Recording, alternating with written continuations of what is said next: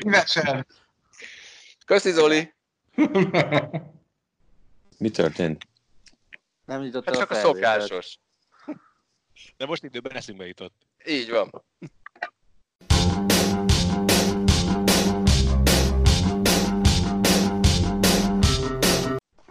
Sziasztok, ez itt a Karanténgaszt hatodik epizódja, pontosan 52 évvel azután, hogy az Egyesült Államokban bemutatták Stanley Kubrick 2001 űrűd össze című filmjét. Én Galuska vagyok, amikor legutóbb ezt a filmet moziban láttam, mellettem volt Bencsics Márk, és most is mellettem van, pedig legutóbb nem ért rá. Hol voltál legutóbb?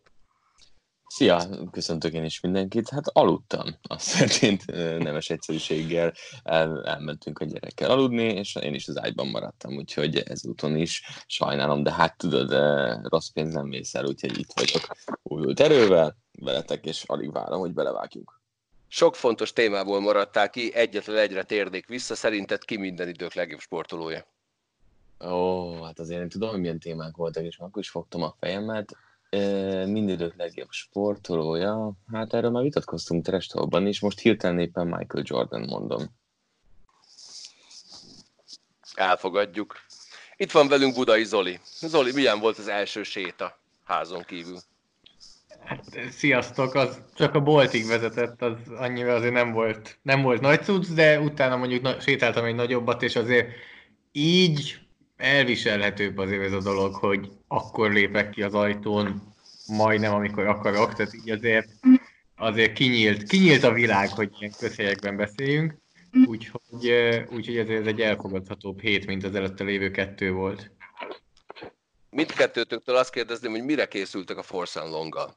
Ha a technika is engedi, és mellettünk áll, akkor hétvégén együtt megnézünk egy meccset, azaz már otthon nála, én nálam, ö, élőben, hát tulajdonkéképpen Facebook Live-on vagy valahol ezt még nem döntöttük el pontosan, kommentáljuk a meccset, mindenkit megkérünk, aki majd velünk szavazat néz, hogy indítsa el ugyanakkor azt a meccset. Amúgy a Force Long Facebook oldalon van szavazás arról, hogy a három meccsből, ami a végső listában, melyik meccs legyen az, és tulajdonképpen így eh, remélhetőleg interaktív lesz, tehát várjuk, hogy mindenki majd kommenteljen, és egy ilyen eh, közös, közös meccsnézés nagyjából, és eléggé nagy esély van arra, hogy olyan meccs legyen, amin már személyesen is ott volt, úgyhogy még ilyen személyes sztorik is lehetnek benne.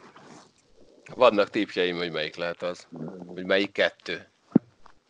Igen, a három, háromból lehet még szavazni a, a Facebook oldalán a Force és abból kettő, a kettő az ilyen. De kíváncsi vagyok, hogy mi lesz a végeredmény, mert Zoli számolja. Neki van ideje, ha már be van zárva ö, négy fal közé.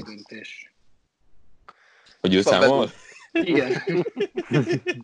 Márnak hagyjuk meg a rajzolást. Szép. Figyelj, az, ha a hang működik, akkor nincs gond. Ugye általában, ha én közelebb vagyok, akkor azzal azért mindig vannak problémák. Igen, például most is elfelejtettem, legutóbb ebben nem volt baj, most megjöttél, hirtelen lett. Itt van Szadiszló Csabi. Csabi, komolyan kérdezem, hogy mi lett a, fe- a felmérésetek vége? 80 perces podcast az ideális, vagy annál hosszabb, vagy annál rövidebb? Ez még meg kell várnia. Az, hogy abból nehéz kiindulni, amit a Baska ugye kirakta ezt a, ezt a húzogatható, nem tudom én mit, abból nehéz lesz végeredményt hirdetni. A következő adásra mindenképp begyűjtöm, de ezt majd az alapján is mondjuk meg, hogy mennyire sikerült most ebben a részben megtartani a, a hallgatókat. Tegnap este tízkor vettük föl, kicsit már mindenki fáradt volt, úgyhogy volt kedvünk arról beszélgetni, hogy egy darab lóméretű kacsával, vagy 50 darab kacsaméretű lóval verekednénk inkább. Tényleg szakmai volt az egész. De ez jó, végre visszatértetek akkor a jó témákhoz, mert én akkor engedtem el a Force and Longot, a Force and Longot, a sose engedtem el. Na, na, na. Az előzőpont, amikor abba hagytátok az olyan beszélgetéseket, hogy szarizű fagyi vagy fagyízű szar.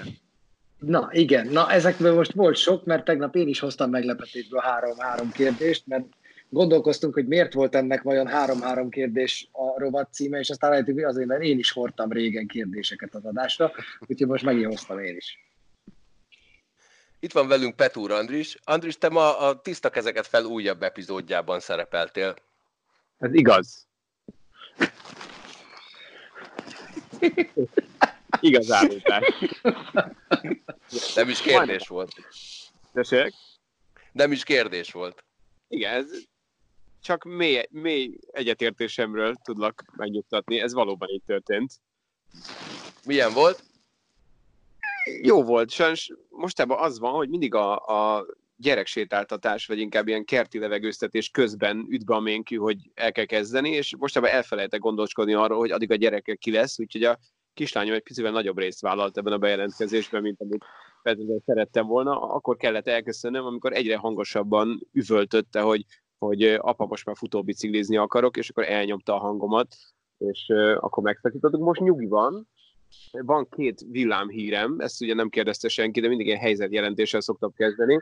Az egyik az, hogy a, ugye nekem az RKM-ről látszik a, a Puskás stadion, és az elmúlt szerintem tíz napban nem volt kivilágítva, ami ugye annak idején egy fontos, még politikát is karcoló kérdés volt, hogy miért ég folyton a fény, és tíz nap után jelentem, hogy ma először megint e, teljes pompájában világlik a, az új Soda stadion, úgyhogy ez egy fontos hír. A másik meg, hogy ez nem tudom, hogy összefüggésben van a szokásos esti barackpálinkával, amin túl vagyok már, de flashelek, mert az volt, hogy a szemközti háznak a kerítésén van egy LED lámpa, ami előtt elsétált egy macska, és pont olyan távolságban sétált el, hogy a mögötte lévő ház falára tigris nagyságban kivetítette saját magát, és ez egy ilyen nagyon, nagyon furcsa volt, és nem tudom, hogy ez a pálinka miatt van, vagy ez miért, de ezen mélyen elgondolkodtam, hogy egy kis macskának mekkora tigris lenyomata képződött, akik villának a falán, úgyhogy ezek a legfontosabb híreim.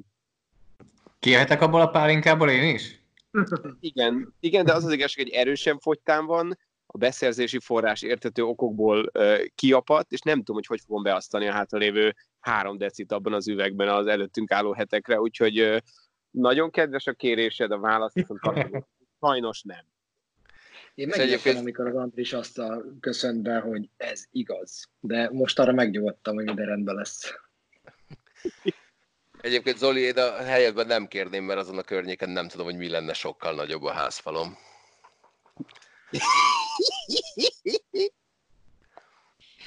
Itt van velünk Haraszti Ádám is. Ez igaz. Ádám, te, te is az online térben aktivizáltad magad az utóbbi napokban, van új esélylesők, jó lett? Igen, igen, meg baromi hosszú, egy kicsit azért elnyúlt itt a, nem tudom mi is. Hát nyilván ugye szabadon vagyunk, stúdióbérletet sem kell fizetni, tehát annyit pofázunk, amennyit akarunk, meg jó volt a téma nagyon, mert ugye 2000-es évek elejének legjobb csapatairól beszélgettünk, aztán hát nyúlós lett, de jó pofa szerintem. Én Igen, egyéb, egyébként mindig az a jó, hogy amikor nem történik semmi, akkor arról a legjobb beszélni nagyon sokat. Hát igen, meg ez meg régen történt, aztán hozzá is képzelünk biztos dolgokat. És itt van velünk Monc Attila is. Szia Attila! Sziasztok! Egy nagyon fontos kérdésem van hozzád. Atya úristen. Egy, mindig ugye megbeszéljük, hogy milyen új műsorok vagy új vállalások vannak. Hogy Igen. sikerült rávennétek, rávennetek a Zümit arra, hogy nézői kérdésekre válaszoljon online? Várjál, várjál. Ez egy, ez egy nagyon rossz felvetés. Nem mi vettük rá a Zümit erre, a Zümi vett rá bennünket erre, hogy engedjük meg neki. Mit adtatok neki inni? Fogalmam sincs, mit ívott Szegeden, de azzal telefonált, hogy ő ő unja magát, és hogy szeretne egy ilyet csinálni. És, és Máté Pál, Szabó Máté, meg a marketing ezt egy megszervezte, hogy Zümi online fogadórát tart.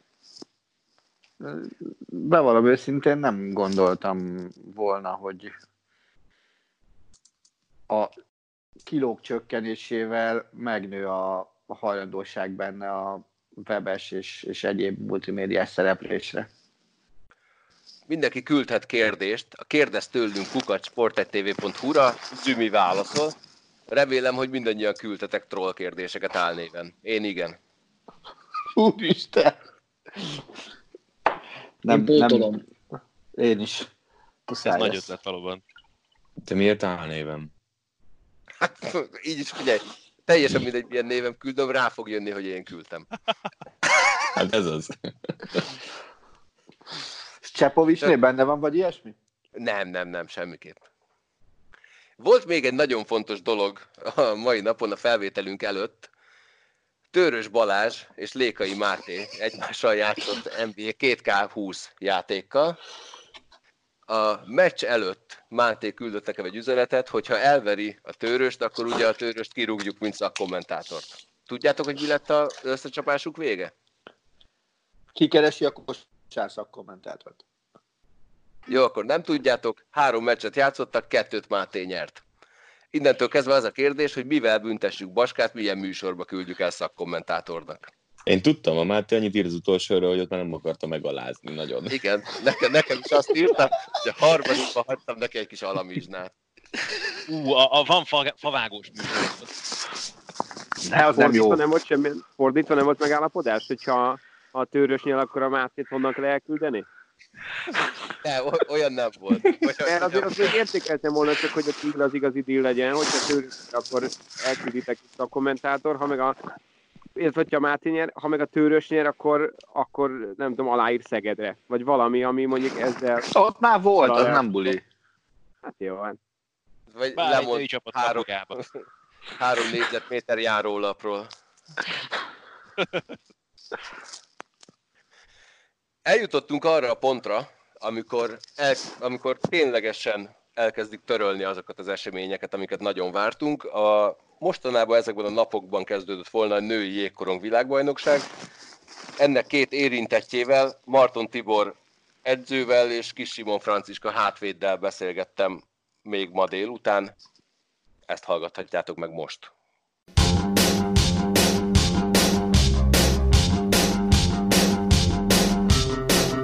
Lassan egy hónap eltelt azóta, hogy tudjátok, hogy nem utaztok a kanadai világbajnokságra.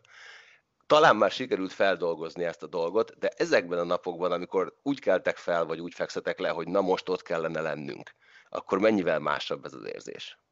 Ö, igazából, ugye amikor megtudtuk, hogy eltörlik a világbajnokságot, attól függetlenül még folytattuk a tábort, de már nem, volt, nem voltunk olyan motiváltak, és nagyon sajnáltuk azt, hogy egy évvel elhalasztották a világbajnokságot. Utána viszont ugye teljesen törölni kellett a programot, az edzéseket abba hagyni, és pont a napokban, pont 31-én láttam nagyon sok lánynál, hogy a Instagramon posztolta a sztoriába, hogy, hogy ugye ma lenne a nap, amikor Csehország ellen megmérkőznénk, és először játszanánk A csoportban.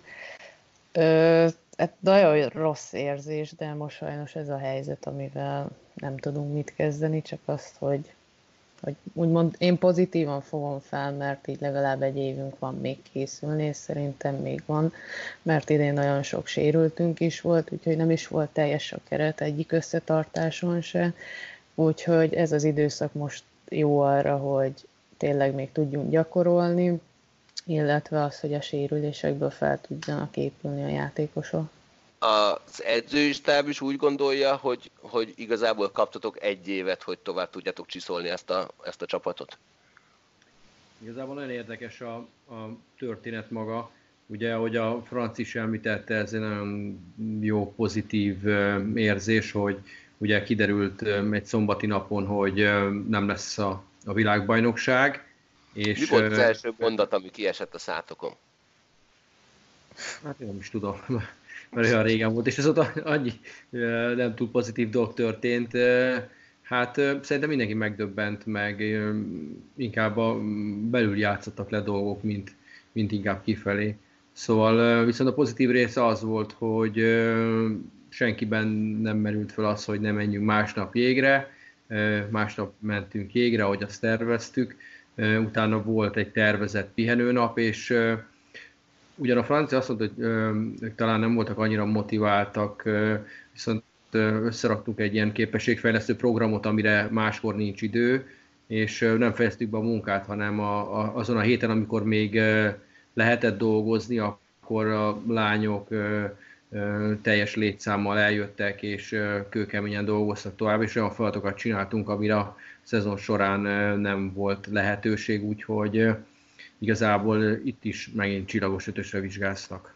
Hogy töltitek az időtöket most, hogy otthon vagytok? Otthon vagytok, gondolom, edzeni tudtok valahogy?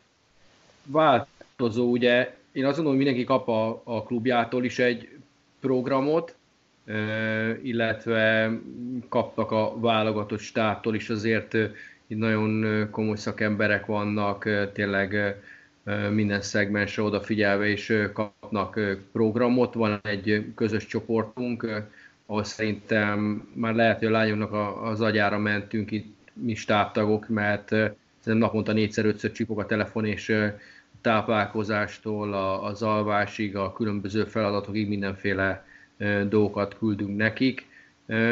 És ugye ezenből mindenkinek vannak még klubmunkái is, ahol, ahol vannak mindenféle applikációk, amivel tudunk infókat küldeni, feladatokat, sőt, nyilván nem ugyanaz, mint a közösen dolgoznánk, de live-ba egymást nézve tudunk edzéseket tartani, vezényelni.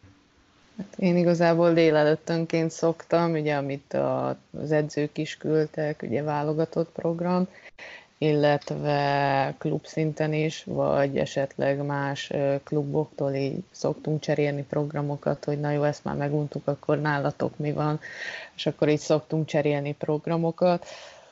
Hát igazából ugye mindenki otthon van, valaki kertesházban, valaki panelban, szóval a kertesházasok ugye jobban meg tudják oldani, esetleg nekik lőpadra is van lehetőségük, de edzéssel, tanulással és pihenéssel telik leginkább. Igen, ami nagyon fontos, hogy azért a, a lányoknak a, a döntő többsége tanul, és magas színvonalon tanul, és azért volt nekik a szezonban lemaradásuk, és most azért ezt tudják pótolni. És a másik azért, ami még nagyon fontos, hogy ugye nekünk most lenne a világbajnokság, de úgy azért a jégkoromban most jön ez az off, off-szezon rész, ahol talán egy pici pihenőre is um, sort lehet keríteni. Nyilván profi sportolók, akik átcsoportra készülnek, sőt, olimpiai selejtezőre is jövőre, teljesen nem engedhetnek ki, de azért, mivel hogy nincs világbajnokság, nem is kell most a top munkát elvégezniük. Említetted az olimpiai selejtezőt. Jövőre 2021 lesz az új 2020 úgy tűnik, tehát ott fog a női válogatott fennállása során először az átcsoportban szerepelni, illetve egy elég fontos olimpiai selejtező is vár majd rátok, ahol nem akármilyen bravúr lenne kijutni az olimpiára, ami gondolom minden lánynak álma, hogy a tiéd is. Hogy tudjátok majd fókuszálni itt a feladatokat? Egyáltalán lehet-e fontossági sorrendet tenni a két esemény közé? Igazából ugye minden lánynak nagyon nagy vágya, sőt, hogy ugye női jégkorong még olimpián, már mint hogy magyar jégkorong csapat nem vett részt, és amióta így tudjuk az eszünket, és már jó pár éve együtt dolgozunk, nagyon szeretnénk kijutni az olimpiára, és igazából most már közelebb is kerültünk, de ugye ez még mindig rengeteget kell dolgozni. Azt hiszem, hogy Hát, hogy fontossági sorrend, szerintem, ahogy eddig is mindig napról napra, mérkőzésről mérkőzésre mentünk, tornáról tornára, úgyhogy először majd ugye a nyári felkészülés, ugye ahogy már kialakul a program, azt még nem vagyunk benne biztos, hogy nem tudjuk, hogy mennyi tart ez a, az időszak, de ugye nyáron lesz a legfontosabb, hogy elkezdjük, és akkor ugye ott lesz a sor, akkor az lesz a legfontosabb. Úgyhogy szerintem mind két esemény nagyon fontos, és mindkettőre keményen fogunk készülni. Nagyon jó volt szerintem ez, amit a Franci mondott, úgy látszik, hogy, hogy ragadnak azért dolgok, szóval, hogy igen, a jégkorongban, de lehet, hogy más sportban is, csak én annyira a jégkoronggal foglalkozom, hogy tényleg az a lényeg, hogy, hogy lépésről lépésre haladjunk, és persze valahol ott van az olimpiai selejtező, aztán majd a, az A csoport is, de hogy tényleg, amit a Franci mondott, hogy, hogy először most próbáljunk pozitívak lenni, fókuszáltak lenni ezen a nem túl rózsas helyzeten valahogy átevickélni, jó formában maradni, és aztán utána jön az első nyári program, utána a második, és így tovább, és aztán tényleg, amikor ott vagyunk a hídon, akkor, akkor kell rajta átmenni. A mai nap szünnap lenne a világbajnokságon, túl lennétek már két meccsen. Mennyi ponttal lennétek elégedettek Csehország és Dánia után? Hát hattal, nem? Tehát, tehát hogy hogyha ha, ha a csoportból itt nem jutunk tovább, akkor egyel kevesebb meccs van, mint amennyi lett volna a Divízió 1-be. Tehát mi hozzászoktunk, hogy azért többet játszunk, úgyhogy, úgyhogy szerettünk, hát szerettünk volna 6 pontot szerezni.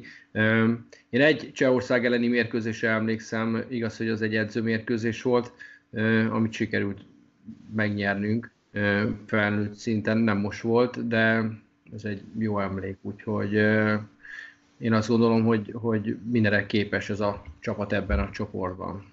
És novemberben Dániát sikerült megverni, hogyha jól emlékszem.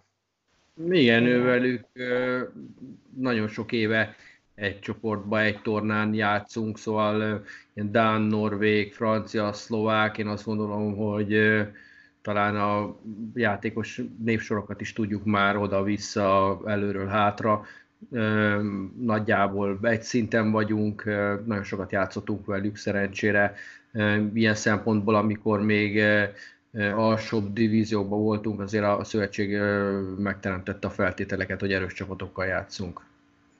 Ránézve a világbajnokság csoportbeosztására, nem sajnáljátok, hogy a csoportkörben nem találkozhattok Kanadával, vagy az Egyesült Államokkal, vagy Franciska, te az orosz válogatottal, ahol ugye lehúztál pár évet, vagy inkább ezt úgy gondoljátok, hogy ez nagy segítség, könnyebb tovább jutni a csoportból, és akkor majd az egyenes kieséses szakaszban játszani a nagyokkal. Azért is kérdezném ezt, mert azokkal a srácokkal, akik ott voltak Svájcban, vagy akik ott voltak Szentpéterváron, mindegyikük csillogó szemben mondta, hogy mennyire jó volt 9 meg 7 kapni Kanadától.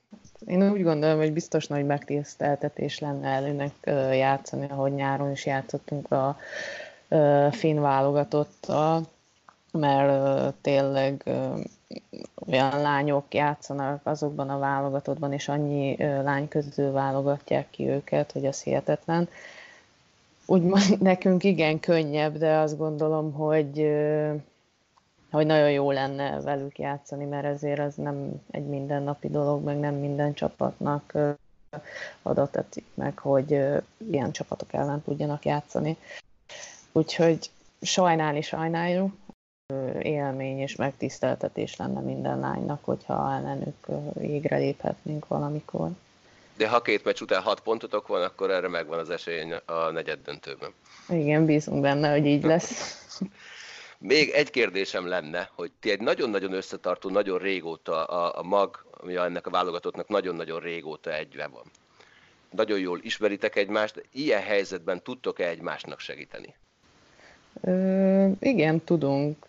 Jó, vannak nézeteltéréseink, meg hogyha egy egy hónapot, másfél hónapot együtt töltünk, akkor az egy, egy kicsit nehéz időszak, és akkor mindenki egyedül szeretne lenni, de úgy gondolom, hogy klubban, meg a válogatottban is már olyan barátságok alakultak, hogyha az egyiknek tényleg rosszabb pillanata van, nehezebb időszaka, akkor mindig egy egy-két vicces alak meg tudja viccelni, vagy feldobni a kedvét, úgyhogy azt gondolom, hogy minden lányra lehet számítani, amikor tényleg nehéz időszak van, és mindenki tud segíteni egymásnak. Köszönöm szépen, én azt kívánom nektek, hogy 2021 sokkal jobb legyen, mint 2020 volt. Vigyázzatok magatokra, nagyon maradjatok egészségesek, és találkozzunk minél hamarabb valahol. És köszönöm.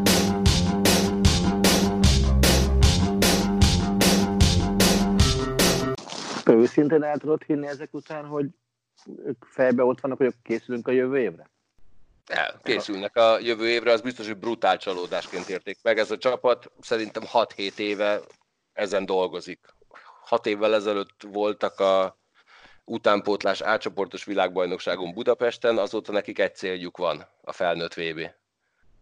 Biztos, hogy csalódásként élik meg, de jövőre is van VB. Hát csak az a baj, hogy annyira messze van. Tehát, hogy, hogy egy sportoló fejében egy év, ez, ez ilyen maraton. Tehát ugye erre készülnek fejben, meg ilyesmi. Most csak a saját tapasztalatból ugye nálunk még a szezon nem törölték hivatalosan, de, de az van, hogy még májusban biztos nem lesz, és konkrétan alig bírom rávenni magam, hogy, hogy, hogy, hogy mozogjak, mert annyira távolinak érzem a dolgot. Aztán mondjuk ez a klub megoldotta kötelező edzésekkel, de hogy így rohadt távoli tud lenni még két hónap is. Ti hogy edzetek távban? Most azt csinálták, hogy kiküldtek egy Excel-t, és heti három napot kell edzenünk, és ilyen 10 perces blokkok vannak. 10 percig kellett, amennyit tudsz fekvőtámaszt csinálni, 10 percig kellett kitörést csinálni, meg plankingelni, és akkor erre kapsz valami pontrendszerben valami pontot, és akkor egy héten három ilyen van, összegzik a pontokat, és akkor jövő héten megint lesz valami, és akkor így vizsgálják, hogy ki fejlődött, ki nem fejlődött, ki nem küldött, ki ilyesmi, és akkor vagy képet, vagy videós anyagot, vagy valamit kell küldeni. Úgyhogy én az első nap után inkább beálltam a zuhany alá, levizeztem magam, küldtem egy selfie hogy kész vagyok, és akkor ezzel letudtam az első edzésemet. Igen, erre emlékszem az edzőtermi videódban, ahol gyorsan bevizezted magad, hogy három perccel később úgy nézzel ki, mint aki nagyon durván edze. Hagyjál már. Kinek mi az, amit a legjobban sajnál, hogy elmarad 2020-ban, és mi az, amit a legjobban sajnálna, ha elmaradna 2020-ban? Kezdjük Márka. Én most már sajnálnám, hogy nem lesz 21. Tehát, hogy itt már, már ott tartunk, hogy ez az év az eléggé kukaras sok szempontból. Hát én a foci elbét amúgy sajnálom. Tehát nekem mondjuk az, ami, ami így jó lett volna, mert, mert így hazai rendezés is volt, megint egy kicsi ilyen, ilyen futball hangulat lett volna itt, ami azért a legutóbbi EB szereplésnél tökre megőrült a város, meg ilyesmi. Szóval szerintem egy tök jó, jó uh, buli és poén volt. Én, én azt hiányol, hiányolni fogom. És nem, oké, jövőre lesz, de, de azért kár, hogy ez idén nincs. Zoli? Akkor most már nem mondom az EB, de nekem is amúgy az volt az első, ami így, így eszembe jutott, tehát azért szerintem elég sokaknak már megvan, a, megvan, megvan, megvolt, meg lesz a jegy, fölépült a stadion, stb., de hát akkor, akkor talán legyen, legyen akkor a másik nagy, az olimpia igazából, ami, ami meg nagyon furcsa lesz tényleg a 20-20-as számot látni 2021-ben, azt szerintem azért egy ne, nehezen hozzászokható dolog lesz majd jövőre, hogy, hogy akkor most milyen évet is írunk, és miért ez a dátum van itt előttünk.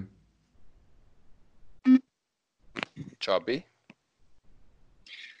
Hát nekem van egy ismerősöm, aki annyira szereti ezeket a páros éveket, hogy egyszer, amikor nagy örömmel közöltem vele 2009 telén, hogy 2010 nyarán jön a második gyerek nálunk, akkor mondta, hogy hülye, a Csabi páros évben nem, nem jön gyerek, főleg nem nyáron.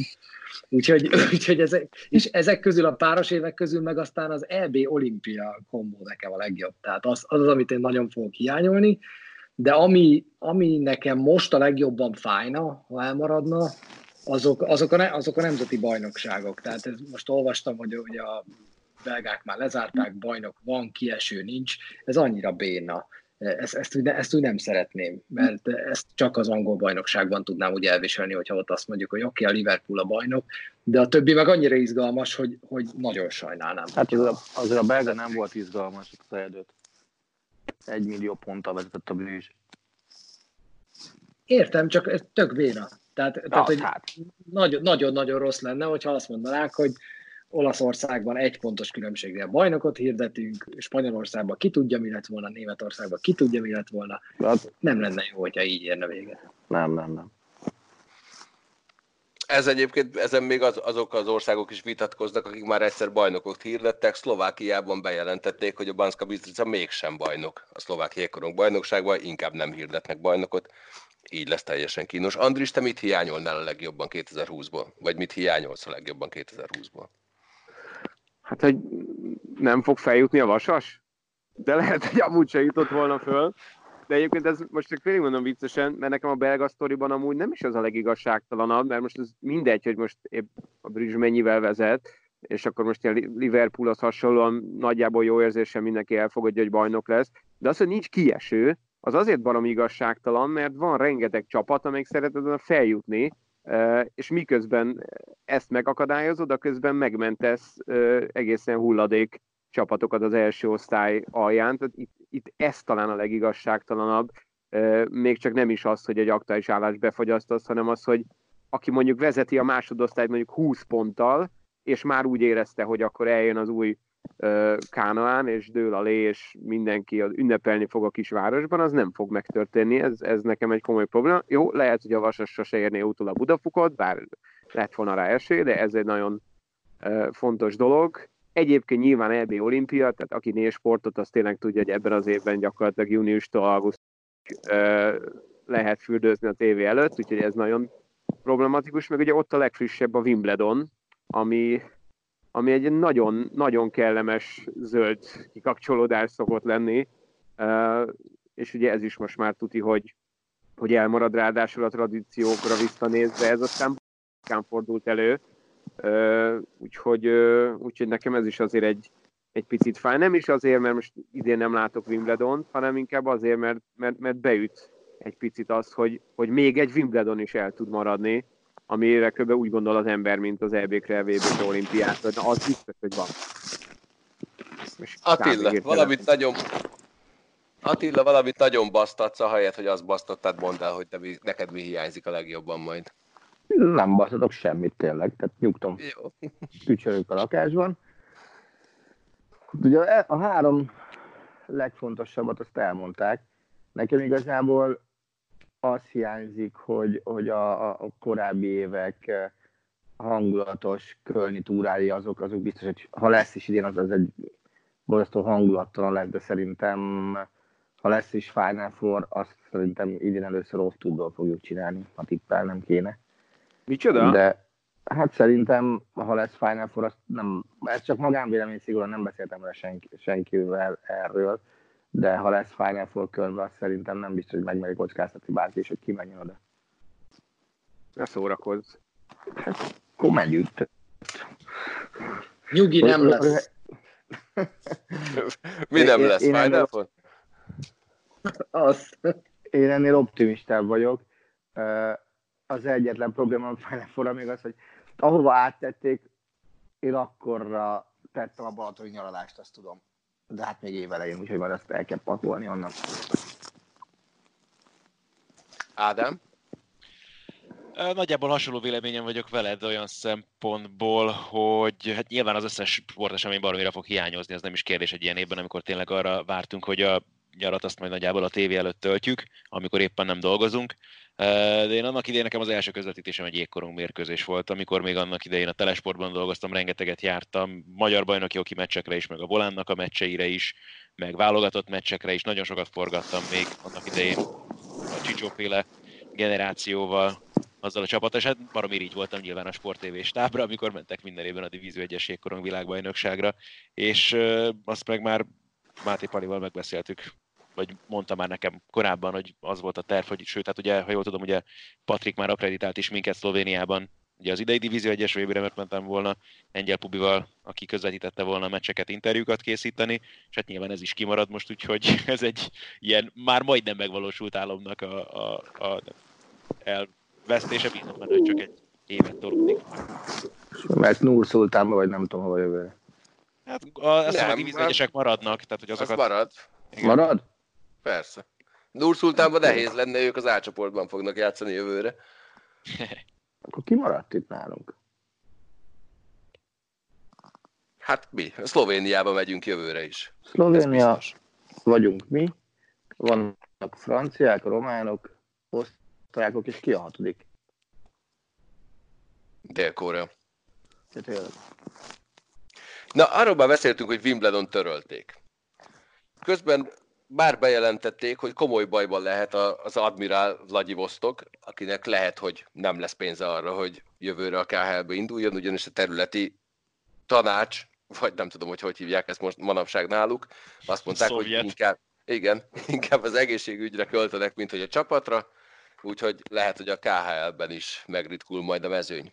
Ugyanakkor az UEFA azt mondta, hogy szerintük mindenféleképpen le kell játszani a Bajnokok Ligája és Európa Liga döntőket, mert ellenkező esetben hatalmas anyagi veszteség érni a szervezetet. Hogy látjátok ezt, hogy erre mennyi az esély, és hogy ezt milyen körülmények között lehetne megcsinálni? Egyik sem olyan fázisban van, hogy könnyen ki tudod hozni, hogy melyik az a két csapat, aki a döntőt játsza majd. Hát Annyi ilyet látok mostanában, hogy lejátszák tényleg konzolon a különböző meccseket, most a német válogató spanyolok elleni meccse is ugye ilyen sorsra jut, úgyhogy lehet, hogy ez lesz majd a megoldás. Lejátszák szépen ezért, nem tudom, Playstation-en, aztán majd a döntőt meg akkor majd függön. Nem látom realitását, hogy őszinte akarok lenni, tehát Én most Hogy, hogy jutsz el addig? hát ez a nagy kérdés. szerintem júliusra, tesz, ők júliusra terveznek, hiába hagyták júliusi időpontot még meg. Szerintem ebben, ebben a kérdésben az az érdekes, hogy, hogy mekkora érdekérvényesítő képessége van az UEFA-nak, mert azért az, hogy a nemzeti bajnokságokat befejezzék, az szerintem komolyabb anyagi érdeke több csapatnak, az biztos. És az, hogy ők így kiállnak, és azt mondják, hogy minket semmilyen érdekel, mi ezeket a sorozatokat be fogjuk fejezni, úgyhogy az Európa Liga az még ugye egy körrel hátrébb is tart, tehát teljesen esélytelen, hogy eljussál addig, hogy melyik a legjobb két csapat, amelyiknek döntőt kell játszani, vagy akár addig, hogy eljussál négyig, hogy egy torna keretében lejátszd ezeket a meccseket. Na, ez megint egy elég érdekes kijelentés. Figyelj, a nemzeti bajnokságok szerintem most előrébb tartanak már érdekérvényesítő képességben. Tehát az UEFA is belátta, hogy az a sorrend, hogy nemzeti bajnokságok, kupák, a válogatott meg le van szarva. Hát nagyjából most itt tartunk, hiszen megmondták, hogy ők törölnek mindent tavasztól, hogy a, a klubsorozatokat be lehessen fejezni. És ugye a nemzeti bajnokságoknál én ma olvastam a Bundesliga első terveit, hogy elkezdődött a Task Force-nak a munkája, három naponta tesztelnek, továbbra is kitartanak a mázsi start mellett, ma csak a Dortmund, a Lipcse és nem tudom kifejezte ki óvaját, hogy akkor tényleg kezdjük el, és úgy akarnak játszani, azt mondták, hogy egy csapatnak van 13 darab mezőnyjátékosa és két kapusa, akkor játszani kell. Figyeljetek, én most úgy számolok, hogy ugye kb. három hónap hiányzott az európai foci idényből, vagy hiányzik. Jó, mondjuk durva március, április, május. Uh, nincs olimpia, ez oké, okay, ez mondjuk őket így is már, mint ezeket a csapatokat, játékosokat minimálisan érinti. Ugye a nyári szünet az eleve rövidebb szokott lenni sok helyen, mint a téli, nyilván ez bajnokság meg ország specifikus. Az a mostani időszakon nyilván nem lehet felkészülésnek hívni, mert, mert ez nem egy igazi felkészülés, de én mondjuk egy olyan szenáriót el tudok képzelni, hogy amikor ez a teljes karantén időszak megszűnik, akkor a csapatok csinálnak egy felkészülést, ami valószínűleg így is időszerű, mert a hátsó kertben való dekázás az nem igazán tart senkit formában, és akkor az azt jelenti, hogy, hogy mondjuk picit sűrítik a versenynaptárt, és a három hónapból tudnak kettőt felett, vagy adaptúdum kettőt csinálni, tehát fixen mondjuk a heti két meccset hozzák bajnokságban és nemzetközi kupában, akkor adaptúdum simán lehet, hogy június, július, augusztusban igen, kimarad a nyári szünet, de több is veszett már, meg mondom még egyszer, most mindenki pihent, utána csinálnak egy két hetes gyors felkészülést, miért nem lehet június, július, augusztusban gyakorlatilag mindenhol mindent befejezni országos és európai szinten, majd szeptember elején szépen újraindítani az egészet, vagy adat tudunk picit belecsúsztatni a következő szezonba, ami országoknak és UEFA-nak az érdeke. Minden nyilván azon múlik, hogy mikor indul minden újra. Én ezt nem tartom kivitelezhetetlennek, így, hogy a nyári két nagy esemény, főleg az EB, ez a kulcs ehhez, ez elmarad. És hát ki tudja egyébként, nyilván ez mondjuk fociban nem értelmezhető úgy, mint kézilabdában, hogy mondjuk az vicces lenne, a hülye gondolatok sosem álltak messze tőlem, csinálni egy Final Four a bajnokok ligája döntő végén, mondjuk a bohóckodás lenne rövidített meccsekkel, nyilván az nem egy értelmes dolog, de, de, de azon el lehetne gondolkodni, hogy, hogy fociban hogy lehet összehozni egy egyhelyszínes sűrített végjátékot. De Andris, amennyire én olvastam... Nem döntőjében. De amennyire én olvastam, ezt még nyolc csapattal kapcsolatban is felvetette már a, a egy-két ilyen UEFA vizsgálócsoport, hogy, hogy legyen egy helyszínen, játszunk egyenes késéses táblát egy-egy meccsel. De azért mondom, hogy, hogy tulajdonképpen ha ezt a három hónapot most innen kicsiped, és aztán beilleszted copy-paste-tel a nyári három hónapra, majd szeptemberben mindent újraindítasz, ebben inkább kérdezem kérd tőletek, hogy ebben mi az, ami elméletileg kivitelezhetetlen, vagy ki az, aki ebben olyan nagyon sérül? Hát itt a játékosok sérülnek szerintem. Tehát, az hogy, időjárás. Hát ha alájuk csúszunk mindenképpen, de... Hát itt, hát azt, hogy mondjuk elkezdenek, ne, hát azért itt konkrétan, hogy most elkezdenek itt, honnan elindulunk, tehát nem egy szezonban, hanem végig nyomják azt az időszakot, és akkor a következő szezon egybe van, meg most még van plusz három hónap, ami mondjuk hátra van ebből a szezonban. Tehát ugye itt beszéltünk érdekérvényesítő erőkről, szövetség ilyesmi, itt azért játékosok is erősen tényezők lehetnek ebben, hogy oké, okay, mondjuk kicsipjük ezt a nyári szezont, és most igazából helyet cserél, mintha most lenne nyári szezon utána. Itt kb. ez lehet a, a kérdéses pont, de ugye az a lenne ezzel, ebbe, és ugye itt az UEFA-nak a nagy kérdés, hogy, hogy azért kéne a bajnokságokat befejezni valahogy, hogy ők tudjanak legalább a következő BL-ben meg Európa Ligában indulni. Vagy, vagy ha ez nem történik akkor tavalyi alapján menne minden tovább, tehát ha mondjuk egy csapat ötödik volt, akkor, akkor tavalyi teszik figyelembe, és majd úgy fognak kvalifikálni Európa Ligába, Bajnokok Ligájába? Tehát, hogy ezzel így, így mi, a, mi, mi az elképzelés, erről van nektek infótok? Nem, de most ez, szerintem teoretikusan ez mindegy. Tehát ha azt csinálják, amit most te is mondasz, hogy helyet cserél a nyár és a, és a tavasz, és most van a nyár, és nyáron csináljuk a tavasz, akkor, akkor ugye ez nem annyira sérül, és egyébként azt is mondhatná az UEFA nyugodtan, hogy amikor újra, tehát minden csapat csináljon most egy felkészülést, ha kiengedték őket a karanténból, nem tudom én, május végére legyen minden csapat üzemkész, kap egy hónapot minden ország, hogy befejezze a bajnokságát, ahogy akarja, legyen rájátszás, mindegy, csak, csak rá tudjunk mutatni a, a Bayern, a Juventus, a teljesen minden melyik csapat, hogy te vagy a bajnok, tényleg akkor csináljanak egy top 6 rájátszást, top 4 rájátszást, csak legyen egy meccs, aminek a győztesét úgy hívják, hogy bajnok, és akkor azt mondani, hogy ez egy hónap alatt fejeződjön be, és mondjuk júliusban befejezni az EL-t és a BL-t. Hát az egyáltalán nem kivitelezhetetlen. Aki hogy 40 egyáltalán- fok van a meccseken. La, ilyenek Hát nem basszus, fognak valami biztosan más. sérül. Hát valami sérül, Biztos. hát, de ez még, talán, ez még a legkevesebb. És azt gondolom, hogy a heti kettőhöz a legtöbb csapat hozzá van szokva, amelyik áll az EL-ben vagy a BL-ben eleve kb. heti kettőt játszik. Szerintem júliusban egy hónap alatt le lehet mind a kettőt zavarni. Azt szeretném, hogy a, az átigazolási szabályokkal most már csináljanak valamit, tehát az UEFA ne csak annyit szövegeljen, hogy ezt le kell játszani, meg azt le kell játszani, hanem azt mondják meg, hogy mi lesz a június 30-án lejáró szerződésekkel. Legyen egy, legyen egy szabály, amelyik ezt felülírja, és azt mondják, hogy ahhoz, hogy amit most Andris körül elmondott, hogy addig el lehessen menni a falig ebben a szezonban, hogy ne sérüljön még a következő idény, mert e- ez szerintem nagyon fontos, hogy a következő az már teljes idény legyen, de onnan visszaszámolunk két-három hét pihenőt a játékosoknak, és hogy addig le, lehessen játszani bármit, ennek teremtsék meg a feltételeit. Mert amíg ez nincs meg, addig aztán beszélhet bármit BL meg eldöntőről az UEFA, de a játékosokkal mi lesz júni 30 után. Szerinted, Csabi, a játékosok jogai azok dobogósok ebbe a szempontrendszerbe? Tök mindegy, ha lejár a szerződésük, és nem léphetnek pályára. Szerintem ezt úgy fölül fogják írni egy tolvonással, hogy. Na, hát ezt kellene az UEFA-nak megtennie. Tehát azt kellene mondani, hogy uraim, a mi célunk az, hogy a bajnokságokat befejezzük, a BL-t végigjátszuk, ehhez pedig ezek a feltételek kellenek, mi ezt megteremtjük, mostantól Igen. mindenki szerződése augusztus 31-ig érvényes, senki ezzel semmit nem tehet, és akkor elmentünk a falig, és befejezhetjük ezt a szezon. Legyen meg legalább rá az esély, ráadásul ez egy pozitív hír, egy előremutató valami. Ahelyett, hogy le kell játszani, kész.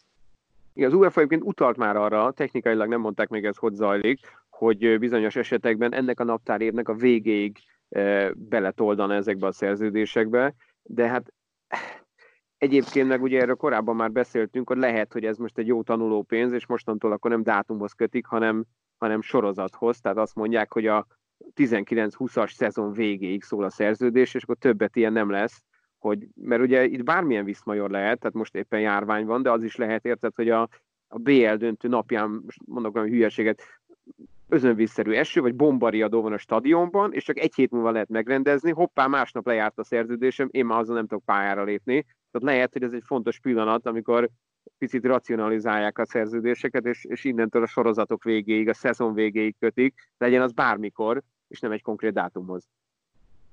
Hát igen, az is furcsa, hogy nem is biztos, hogy a nemzeti bajnokságok mindegyikét le lehet játszani idén. Simán lehet, hogy a németek, ha nem is május elején, de mondjuk május közepén, végén el tudnak kezdeni játszani, ők július végére befejezik, és, ott azt, és hogyha azt mondjuk, hogy ott mondjuk a szezon végéig, július végéig érvényesek a szerződések, addig kitoljuk őket, de mondjuk Olaszországban, ha nem tudnak játszani, akkor azoknak a játékosoknak meg júni végén lejár a szerződésük, viszont nem igazolhatnak el még egy-két hónapig, vagy, vagy hogy tehát, hogy értem, hogy baj van ezzel, meg értem, hogy nem könnyű ezt eh, az UEFA-nak kezelnie, de nagyon remélem, hogy dolgoznak rajta. Folytatódott a UFC 249 utazó cirkusz. Utazik az a cirkusz? Hát, Hol az, uta- hol az utazás? Hát lezárták a határokat, úgyhogy nem. Habib Nurmagomedov egy Instagram posztban jelezte, hogy nem tud elutazni, ugyanis Oroszországból, Oroszországot nem tudja elhagyni a határok lezárása miatt, így ő semmiképpen nem vesz részt ezen. Emiatt ellenfele Ferguson sír, és mindenféle rettentő jelzőkkel illeti az oroszt, miközben megszólalt a bo- híres box promoter Bob Arum is, aki szerint szégyen, amit Dana White csinál, és teljesen lejáratja a sportot, és, és, és borzalmasan rossz példát mutatna. Szerintetek lesz-e gála, és megígérem, hogy innentől kezdve már csak akkor beszélünk erről, ha lesz. Nem. Én már mondtam, hogy nem. Szerintem sem. Szerintem sem. Hasonló Nem valóságsót már. Igen. Hasonló valóságsót akar létrehozni az NBA is, ahol most egy valós szenárióként felmerült az, hogy minden, minden csapat Las Vegasba utazik, ott lezárják őket, és lejátszák a komplet playoffot. Ezt mennyire látjátok elképzelhetőnek? Annyira, mint a UFC 249 Oké. Okay. Hát azért, azért ez annyira valós szenárió, hogy egy New York Postos cikkben megjelent ez. De, de az NBA az egy dolgot mondott a héten, olyan megoldást akarnak, ami, ami a következő szezon nem bádja. Amit az előbb elmondtam az európai focival kapcsolatban, azt tulajdonképpen Silver kimondta. Tehát egy következő teljes szezonért ezt a szezont az NBA úgy, ahogy van, hajlandó beáldozni.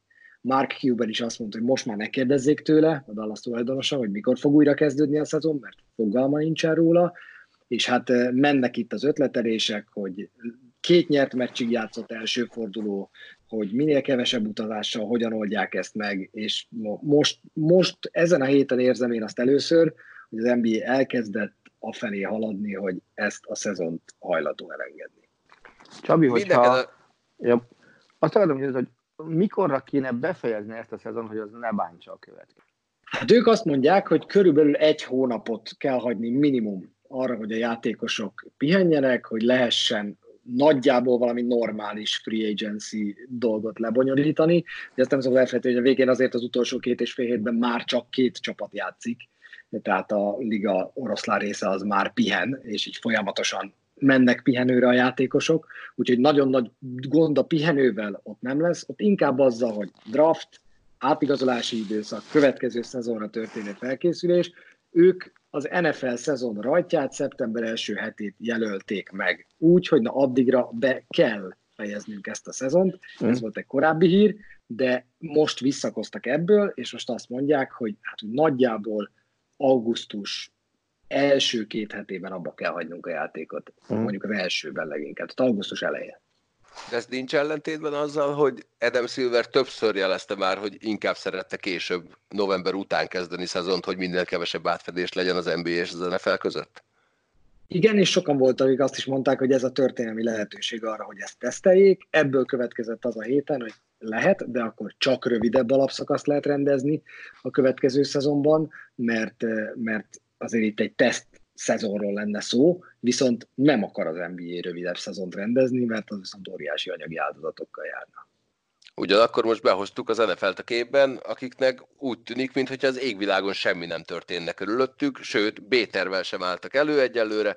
Ők mindent úgy vesznek, mintha minden teljesen normális mederbe mennek, bejelentették, hogy már az idei szezontól 14 csapatos rájátszás 12 helyett, bejelentették, hogy május 9-én bejelentik az új menetrendet, és az egyetlen tördés számukra az, hogy a draftról törölték a nézőket. Mennyire lehet reális ez a kép? Nehéz, mert nyilván van valahol egy, egy ilyen arany középút, ahol, ahol kéne, hogy legyen a dolog, hogy egy ideig még megy az NFL, mert el tudja terelni az emberek figyelmét arról, ami, ami történik a hétköznapokban, amivel per pillanat ugye eléggé kevés dolog tudja elterelni a figyelmét az embereknek. Tehát ilyen szempontból nem rossz, de amúgy meg, ahogy te is mondod, az NFL, mint hogyha úgy tenne, mintha nem történne semmi, és azért szerintem egy kicsit átbillentek a lovon, hogy azért kéne, hogy legyen B-terv, azért, azért kéne, hogy gondolkozzanak abban, hogy, hogy hogyan indulhat el a liga egyáltalán szeptember elején, nem hogy, a rá, nem hogy az előszezon, meg az edzőtáborok, tehát lassan kellene, hogy legyenek valamiféle tervek ezzel kapcsolatban, és egyelőre nyilvánosan biztosan nincsenek, és ez, ez azért számomra egyelőre most, most már tényleg egy kicsit sok. Tehát a draftnál még azt mondtam, hogy, hogy oké, okay, igen, meg kell, hogy történjen a draft, és hogyha ez egy virtuális draft lesz, és nagyjából az lesz, akkor nem kéne, hogy probléma legyen, és legalább az embereknek lesz mit nézni, ha már nincs a UFC, ugye, de, de azért az, hogy ennyire kőbevésve kimondják, hogy szeptember elején kezdjük a szezont, az számomra egy kicsit ilyen olyan, mint hogyha nem lennének tisztában a körülményekkel. Hát az Egyesült Államok elnök eléggé hasonló módon viselkedett, nem a koronavírussal kapcsolatban még néhány Pont héttel eszem. ezelőtt. Tehát... Pontosan, és ez, ez megfigyelhető volt többször is NFL-re, NFL-re ilyen szempontból, hogy ők inkább reaktívak. Tehát amikor már nagyon sokan kikezdik azt, hogy ők miért nem foglalnak állást azzal. Háttérben biztos vagyok benne, hogy egyébként van B meg C tervű dolgoznak rajta, de nem megfigyelhető a több ízben is az Guderéknek a kommunikációban, hogy amíg nem így nagyon a ház, addig nem kommunikálnak, és úgy tesznek, mintha nem lenne semmi, hiszen olyan távolinak tűnik, de azért rohadtul nem távoli, mert az első edzések ilyenek azért bőven azért nyár közepén vannak meg a nem hivatalos összetartások, de, de így, hogy ennyire begyűrűzött az elmúlt időszakban uh, Amerikába is a vírus, és New York azért két csapatot is visz, és ott meg ugye brutális gócpont alakult ki, szerintem idő kérdése, és, és valamit fognak kommunikálni, de én abszolút nem lett meg semmilyen szinten, nem azt mondom, hogy egyetértek, de hogy én, én tökélet, tökéletesen ezt is vártam az NFL-t, hogy ezt fogja csinálni, és, és engem nem lett meg, hogy, hogy húzza, és, és nem reagál semmit, nem is akarja ezzel izgatni az embereket valamiért. Szerintem ezt, ezt egyébként teljesen természetes, hogy így kommunikál az NFL ebben a helyzetben, ahogy mit tudom, a Nobis párat kivárt az utolsó utáni pillanatig, és aztán egyébként egy kicsit bele is égtek, hogy nem kommunikáltak, de most ha az NFL most elkezdeni nyilvánosság előtt azt mondani, hogy hát azért nem biztos, hogy el tudjuk kezdeni, le, van B-tervünk arra, hogy csúszunk, akkor abból az egy nyilatkozatból csak tíz további kényszerű nyilatkozat születne, viszont mit tudnának mondani? Tervezünk októberrel, tervezünk novemberrel? Persze, majd terveznek vele, meg biztos már a háttérben tudja, hogy tervezik, a nyilvánosság elé, aki ezzel most kiáll, az szerintem magára gyújtja a házat, és tök fölösleges magyarázkodásba megy bele úgy, hogy semmit nem tud, nem látom. mi fog történni a következő hónapokban. Ami engem egyedül meglepett, az az, hogy milyen maga biztosan állítják, hogy ők viszont nézők előtt fognak játszani. Az az egy lepet meg. Hát igen, ez a rész ugye már főleg szerintem azt erősíti, hogy, hogy, hogy annyira távolinak tűnik nekik ez a dátum, hogy még ők, ők nem fogták fel ezzel szemmel, és még nem nézik azt, hogy ez, ez, ez lehet, hogy hónapból más mondanak. De igen, ez egy, ez egy érdekes helyzet. És uh, biztos, hogy, hogy vizsgálják azokat, és, és szerintem nagyítóval nézik a többi major sport reakciótnak, hogy ők mit csinálnak, hiszen az NFL most kvázi hátradől, és, és nézi a többi csapat, mit csinál, milyen megoldásokat néz meg ilyesmi, mert, mert ők most egy kiváló állapotban vannak, ők itt igazán még nem bukhatnak semmit, nekik arra kell figyelni, és abba kell bízniuk, hogy, hogy a szezonkezdést nem sújtja már, de hát szeptemberre azért mindenki úgy tervez, hogy ez, ez rendben lesz, mert még az előszezon, még azt mondom, hogy oké, okay, augusztus még, még, még be lehet áldozni, de, de nekik ez a szeptember lehet az érzékeny pont szintén az NFL-hez kapcsolódó hír, Tom Brady megérkezett Tampába, és megkapta a 12-es perzt, amit eddig Chris Goodwin viselt. Az elkapónak az előző szezonja volt pályafutása során a legjobbja, és nagy meglepetésre ingyen és bérmentve átadta a 12-es Tom Brady-nek. Nem tehetett mást. Hát, De kér, kérhetett volna legalább egy vacsorát, vagy valami ilyesmi. Majd néha már volt. Csomagot hogy neki is nagyon hosszú legyen a pályafutása. Örök, örökös belépőt az új Tibit fel edzők komplexumba? Hát akár, hát figyelj, hát voltak már példák Persze. arra. Tion hát Sanders Dion, is vett egy, vett egy BMW-t, Eli Manning, a, a New York Giants panterének az egész családját befizette egy floridai nyaralásra, hogy megkapja az a, a legjobb az a csávó a legnagyobb, és az egyszer meg Plexico Bőresznek odaadta a 17-est egy kerti konyháért cserébe. Igen. Hogy az kétszer meg. Hozzatok nekem egy rekettyést. Vágjátok ki ezzel a hallal. Hát ez, ez a messzcsere, ez engem mindig érzékeny érint. Én nem kaptam meg a, nem kaptam vissza a messzámomat soha, ja, nekem vál, váltam kell. Hogy lehet nem volt 50 ezer dollár a zsebemben, hogy mondjuk egy ilyet megcsináljak, mint, mint páran megcsinálták, se BMW-vel nem tudtam uh, előjönni. Úgyhogy figyelj, a családot me- befizethetted volna. A családot befizethetted volna egy nyéklátházi büfésoros nyaralásra. Igen, úgyis, hogy tudod a szép kártyára egy kis izé, belföldi utazási mehetett volna bármilyen más, nem is az a sportákban, hanem az amerikai kultúrán kívül bárhol máshol van-e ennyire nagy jelentősége a messzámoknak? Azért megnéztem volna Cristiano Ronaldo-nál a dolgot, hogy mondjuk egy Messinél egy ilyen számcsere lett volna, vagy sem. Nem tudom, mit gondoltak. Tehát ez ilyen ikonnak kell lenni. Hát a Ronaldónál ugyanúgy benne van a márka névben, a CL7-ben, mint ahogy Bradynél ugye a Tibit felben benne volt. Sőt, a Brady még upgrade is a tampával. A Juventusban nem volt hetes, amikor Cristiano Ronaldo oda igazolt? Volt ott is valami sztori volt, most nem akarok butaságot mondani, hogy mit kellett barterezni vele. De azt hiszem, ott se volt egy értelme. Az ne- nem, gondolom, nem hogy volt, a, hogy volt a. Reálnál. Nem a Márkíz jó, most ne, nem akarok hülyeséget mondani, de nem, nem pont valaki Nyolcas. elment, megsérült, akkor azért mondom, éreztem, hogy lehet, hogy hülyeséget mondok. De a Juvéban talán nem. Ö, Én ott volna. Azt írják, hogy Quadrado. Azt Ö.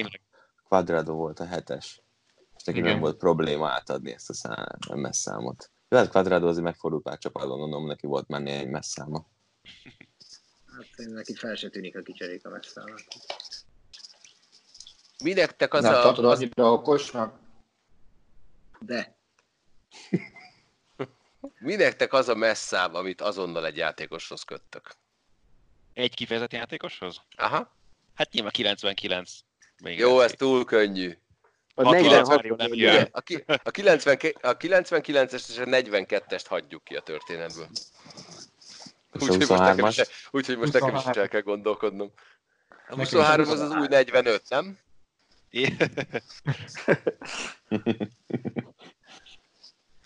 Hát klub szinten Marco van Basten és ki, az biztos. Hát szerintem azoknál most már tökre átalakult, most már inkább, hogyha brandet építenek hozzá. Tehát régen ez még nem volt, az így meg mondjuk Fan Basten, de most a szándékos, meg úgy messzám, de Ronaldo Nyilván- már ez a hetes, ez annyira. Focival azért nehezebb egy fokkal, mert ugye tényleg nagyon sokáig nem volt meg ugye Európában ezzel kapcsolatban az, hogy egyáltalán tényleg állandó messzámok legyenek, aztán ugye azon is ment még sok helyen a matek még nagyon sokáig, hogy akkor neveket írjanak a ezekre, meg hasonló. Tehát, hogy ennyire talán a fociban még nincs meg ez a messzám fetisizmus. Ilyen Na jó, de, de ha azt mondod, akkor Pelé 10-es, Puskás 10-es. Tehát akkor valamennyire mégiscsak megvan. nem, az én fejemben valahogy egyébként nem ragad annyira hozzájuk, mint amennyire mondjuk nem tudom. Érdekes, Baradónához valamiért nálam jobban ragad a tízes akkor valamiért, de valószínűleg azért, mert egy korban közelebb van hozzám. Vagy hogy, tehát, Hát azért, mert, mert láttam. a tradicionális időszakban a tízes volt a nagy dzsugás, és így aztán az összes tízes a régi időben mind nagy dzsugás volt, tehát most végigmehetnénk tényleg az imént említett neveken Platinitól kezdve, és még folytatva, akiket mondtatok. Tehát szerintem pont az a lényeg, hogy, hogy a, amíg 1-től 11-ig számoztak a fociban, addig gyakorlatilag két meznek volt igazán fontos plusz mondani valója, a 9-esnek és a 10-esnek. És tudtad, hogy a 10-es az a nem tudom, régi karmester, vagy az a csapat legnagyobb rugás, és a 9-es az meg a klasszikus középcsatár, aki rúgja a gólokat. A többit szerintem ennyire emblematikusan, tehát most a, a 11-es a jobb szélső, hogy a 6-os, az, ugye ma már hívjuk így a 6-os poszton játszik, de összességében szerintem ez a két messzám van egyáltalán, és szerintem ma egy olyan változás van, hogy, hogy van, akinek ez még jelent valamit, és van, aki már simán inkább bevállalja a 81-est, mert tudja, hogy akkor az legalább élete végéig ő maradhat. Olyannyira, hogy például a, ugye a Bognár Gyurinak nagyon szeretem, hogy ezt most kicsit messze jutottunk, de lehet, hogy ő is volt tízes jó párszor. Ugye úgy emlékszem, hogy amikor az MB2-es csapatánál valaki elkezdett volna parádézni, hogy akkor most Budaörsön ő lesz a, a 81-es, vagy az 54-es, akkor azt mondta, hogy gyerekek, ez csak egy száros MB2, és sorba raktam ezeket 1-től 11-ig, és azt kellett fölvenni, és azt mondta, hogy itt nem fogunk, nem fogunk hajat félretolni, meg, meg ezzel vagánykodni. Úgyhogy van, aki kimondottan ezzel ellen dolgozik, de Hát az argentin válogatottak a 80-as években, ahol ugye egyszerűen ABC sorrendben kapták a mezeket. Hetesben vagy nyolcasban is védett kapus. Meg ilyen Bizony, figyel, igen, és a Kempesztől kezdve lehet mondani, hogy igen. Szóval, ö, Oszjárd de- az egyesen játszott. Ja, ja. Na jó, de az elején ilyen vizuális szennyezés volt, amikor megjelentek ezek a 76-os szélső, meg 82-es, meg ilyen ilyen volt, tehát hogy így bántotta az ember szemét, meg, meg nem tudom. A spanyol bajnokságban az azt hiszem még mindig tartja magát az, hogy az első osztályú csapatoknál, hogy 1-től 23-ig ö, kell lenniük az első csapat keretéhez tartozó játékosoknak a messzámai, és olyannyira, hogy a kapus csak 1-es, 13-as és 23-as lett, és aki ennél nagyobb messzámmal játszik, azok azok a játékosok, akiket ugye a, a második csapat keretéből hívnak fel a felnőttekhez. Tehát például ilyen a spanyolnál sok hülyeség van egyébként a mai napig, tehát csoda, hogy a kupaszabályokat megváltoztatták már az idei évre legalább, hogy élnek még ilyen dolgok azért. Mondjuk én ezt szerettem, a Reálban nem voltak ilyen dolgok, de mondjuk pont a Milán volt nekem egyik olyan csapat, meg ezek az olasz csapatok, ahol ugye volt 60 játékos egy keretben, meg még 40 játékos, 50%-os tulajdonnal bírta még ilyesmi, ott aztán minden messzám használatban volt, tehát borzasztó volt. Zidane is ötösben nyomta a Reálban. Igen. A, a, ahhoz se nagyon kötnél egy ilyen típusú játékost, úgyhogy inkább szerintem ezekre lehet emlékezni, amikor kiszúrja a szemedet, hogy ez a csávó, ezen a poszton, ez miért ezt a meszt viseli. De Jaj, ez tényleg, Kovács Csabi a válogatottban, a jégkorong válogatottban, aki ugye az édesapja miatt viselte a kettes meszt állandóan csatárként. A hoki az egy fura brigád volt egyébként, mert, mert a nagy világbajnokságon olyan messzámmal mész, amilyennel akarsz, de például a Divízió 1-ben meg volt határozva, hogy 30-ig lehet. És a Super Levi ott állt, hogy a 31-esen van, akkor mi lesz? Így van. Az NFL-ben meg posztokhoz kötik a messzámokat, ugye? Igen. De ilyen tólingek vannak, nem? Hát, hát mit tudom, 1-től 19, akkor az lehet elkapó El... vagy irányító, de ugye elkapó 80-89-ig is mehet, tehát ilyesmik vannak, és akkor falembereknek is megvan az, hogy, hogy milyen messzámok vannak, mert ugye ott azzal trükköznek, hogy például egy 53-as semmilyen esetben sem kaphat alapból például egyetemi szabálynál labdát, és akkor jeleznie kell, hogyha jogosult elkapó, hogy, hogy ő kaphat labdát, mert ha feláll a vonalra egy ember, hogy 54-es, akkor ő, ő nem kaphat paszt, csak hogyha jelzi a bíró felé, hogy ő most, ő most kaphat labdát. Sőt, nálunk például ilyenkor át is húzzák a messzámot, hogyha mondjuk olyan számmal van a falban, ami mondjuk elkapó messzám. Tehát vannak ilyen szabályozások. De volt egy ilyen, vagy lett egy ilyen trend is, pont ahogy beszéltük Márkkal, hogyha megnézed a végi nagy elkapókat, mindenki 8-assal kezdődő messzem, mezzeben játszott, tehát 80 és 89 között, most meg, és ez kicsit ilyen érthetetlen, de minden elkapó elment a 10 és 19 közé, és 80 és 89 között nem nagyon találsz sztár elkapókat, tehát be van korlátozva, de valahogy így is azért próbálnak, próbálnak trendet csinálni játékosok de vannak ilyen irányítószámok, amik például abszolút nem mutatnak jól, tehát az itt is van különbség, de, de be van korlátozva.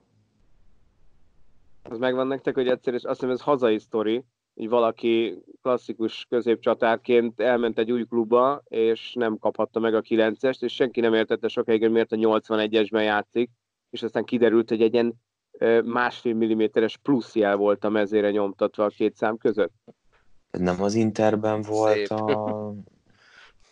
Talán a Zamorano, nem, nem neki volt ilyesmi. A Iván Zamoránónak szerintem. Neki volt az 1 plusz 8-as messzáma. Én nekem van egy itthoni képem erről. De, de, ne, de egyébként volt, volt, ilyen, volt ilyen Rómában is a Montalla Batisztuta időszakban. Ugye egy, egyik, a Batisztuta akarta a 9-est, Montalla nem adta oda, és akkor mondták, hogy jó, akkor eldöntötte edzőbe, azt mondta, hogy oké, okay, akkor Montellai marad a 9-es, viszont ő a csere, és Batisztuta kezd. De nem menjünk messze. A Cornélnál erre, nem? A Cornélnál nem az volt, hogy 9-es szeretett volna lenni, de nem lehetett a Chicago Bulls-ban, tehát 18-as lett, mert egyben 8 az 9? de, és tanulja volt, amikor valaki megkérdezte tőle, hogy miért visel 18-ast, és azt mondta, hogy hát azért, mert 1 meg 8 az 9.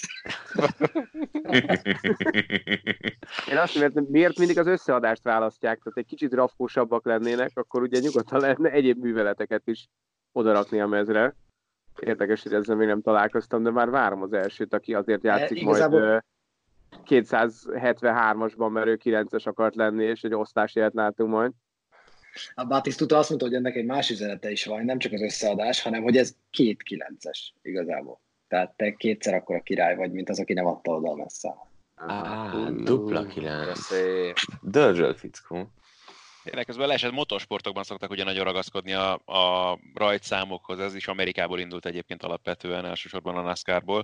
Aztán ez nagyon beszivárgott így Európában, és ugye most már a Forma 1 is állandó rajtszámok vannak. Szerintem ott egy kicsit furcsán is néz ki egyébként, én meg ott szerettem, hogy azért ott volt közel az előző évi uh, csapatvilágbajnoki sorrendhez annak, hogy ki milyen rajtszámban ment. Ugye Senna így volt többször is tök véletlenül 27-es egyébként, meg néhány versenyzőnek ez így kijutott a, a pályafutása során.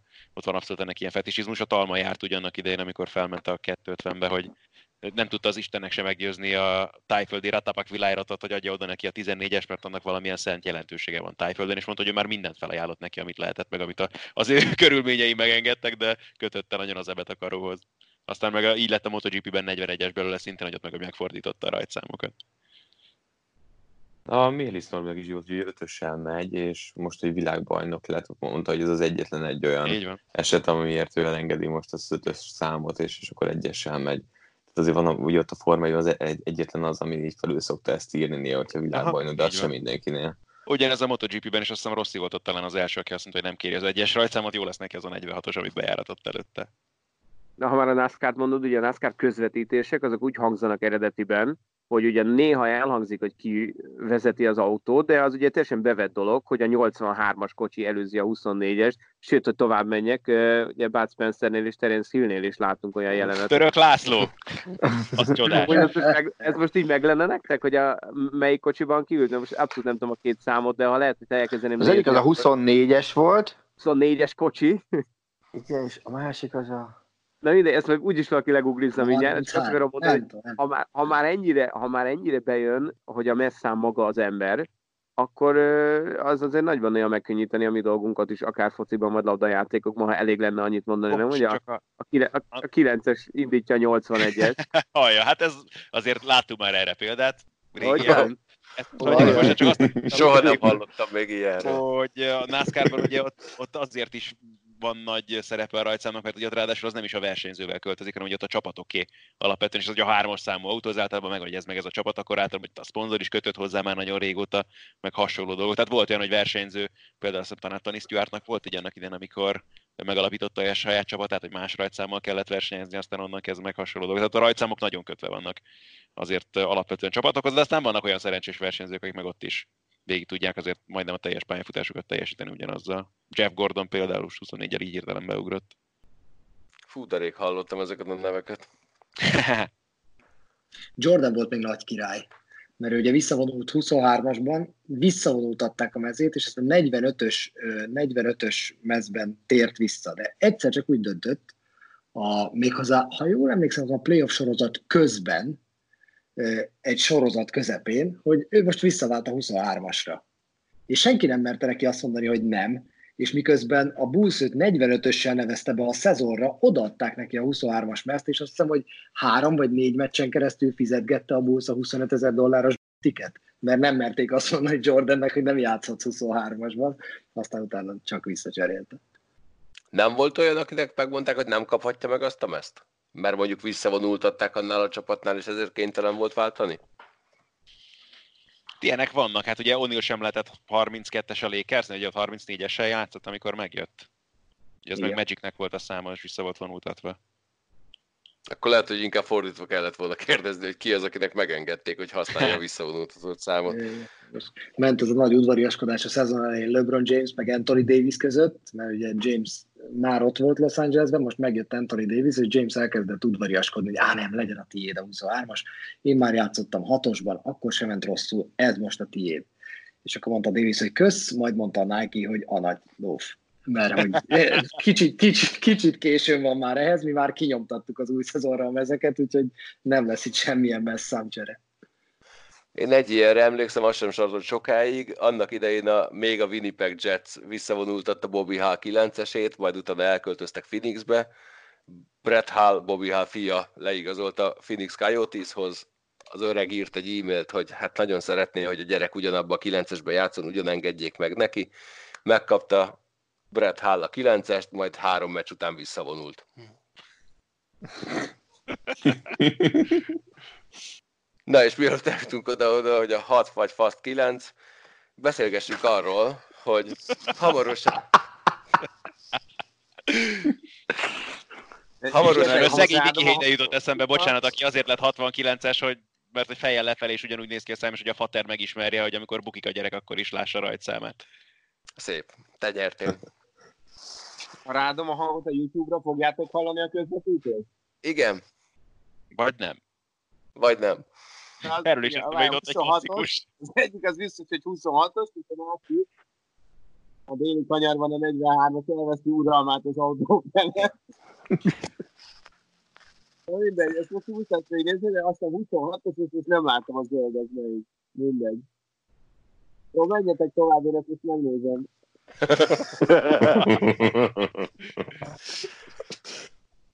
Kulturális ajánló rovatunk következik. Április 19-től 10 részes sorozatban nézhetjük meg a Chicago Bulls hatodik bajnoki szezonját, melyben soha nem látott felvételeket láthatunk majd Michael Jordanről. Tudjátok, hogy hol keressétek, az a cím, hogy Les Dance. Heti két rész jelenik meg minden hétfőn kettőn. Nagyon szeretném egyébként, hogyha erről majd beszélgetnénk, ha nem is minden héten, de időszakonként. Csabi, azért csak téged érint ez talán a legjobban. Mi- Mit vársz ettől a mozitól? Hát én mindent. Tehát, hogyha valaki megnézi a, a YouTube-on fel van a három és fél perces előzetes. Ugye, egyrészt az, hogy erről beszélgettünk tegnap Baskával, hogy az, hogy a világ egyik legjobban őrzött titka az, hogy több mint húsz évvel ezelőtt igazából egy stáb végigkísérte a bulls az utolsó bajnoki szezonban, és hogy innen nem kerültek ki felvételek, olyan felvételek vannak, ahogy Jordan szivarozik a repülőn, meg mit tudom én, tehát, tehát hogy, hogy tényleg mindenhova kísérték azt a bulls az öltözőbe is, mindenhova, és most ebből egy ilyen nagyjából tíz órányi anyagot kapni, hát én nem hiszem, hogy valaha vártam dokumentumfilm sorozatot annyira, mint ezt. Én viszont- a, azt gondoltad, hogy abból az érából, tehát annyit olvastál róla, hogy Jordan, igen, mindenki akar, jobban akart nyerni, mindenkinél tehetségesebb volt, de igazából, amikor felszállt a repülőre, akkor már csak a kártya meg a szivar érdekelte, és semmi más, és nagyjából leszarta az egészet. És most ezek a felvételek itt lesznek az orrod előtt, és látod majd, mennyit vitatkozunk rajta, hogy most ilyen hozzáállással, csak és kizárólag tehetséggel, meddig jutna el egy játékos, eljutna addig, mint Jordan, és most ennek a, a, az akkor felvett dokumentumait látni, ez elképesztő lesz. Én nagyon szurkolok neked, Hol mert én is nagyon eddig? várom ezt a sorozatot, de utoljára ilyen lelkesnek 7 évvel ezelőtt hallottalak egy Dream Team-mel kapcsolatos könyv miatt, ami aztán borzasztó rossz volt. Nem, nem volt az annyira rossz, nem volt, annyira, annyira nem volt rossz az a könyv, az még most is megvan eredetiben nekem. Nekem is. De az nem volt rossz szerintem. Nem tudom, én, én nagyon untam. Tehát én, én ott tényleg ilyen egetrengető sztorikat vártam, mint ahogy egyébként ettől a filmsorozattól is, de ott attól ezt nem kaptam meg, remélem ettől igen. A trailer az minden esetre egészen elképesztően jól néz ki. Most beszéltünk sport dokumentumfilmekről, lehet, hogy erre majd egyszer visszatérünk, beszélgessünk sportfilmekről. Ki mit vár egy sportfilmtől? Melyik topos szereti jobban? Azt, amikor valaki teljesen underdogként megérkezik, aztán utána egy Dávid és Góliát harcként megnyeri a csatáját, így vagy úgy, nem feltétlen győztesen, de legalább erkölcsi győztesen, vagy inkább az ilyen felemelkedés és bukás történeteket. Kezdjük Márkkal. Melyik a kedvenc sportfilmed, Márk, és mit vársz egy sportfilmtől? Ó, hát én mindent várok. Tehát, hogy, mm, amiket most itt mondtál, az összeset. Tehát a fölfelé építkező, majd a végén katarzis, az is jó, az is jó, amikor a végén valami történik vele. Nem tudom, tehát attól függ, hogy milyen, milyen típusú. Uh, hát igazából például, ami nekem nagyon tetszett, az a ez nem is feltétlenül film, dokumentumfilm Tysonról, az egyik dokumentumfilm, ez az egészen. De most játékfilmekről volt. beszélgettünk kizárólag. Igen, jó, csak elvitted a gondolatomat ilyesmit. Nem akartam. Én azt mondom, hogy ha, ha film, akkor nekem az egyik ilyen kedvencem az a Dühöngő Bika. Aha. Azt nagyon-nagyon szeretem Robert Igen, ez mondjuk Az- Scorsese alapfelemelkedés bukás története. Igen, igen, tehát az az, ha meg ilyen a végén megdicsül és ilyesmi, akkor, akkor megemlékez a titánokra, és akkor amerikai focis film. Tehát ez a kettő, hogyha ezt a két irány mondtad, akkor, akkor ezt a kettőt mondanám én. Jake LaMotta is megdicsőül, mert a börtön helyett elmegy éttermet vezetni. Jó, bocsánat, Zoli, mi a kedvenc sportfilmed?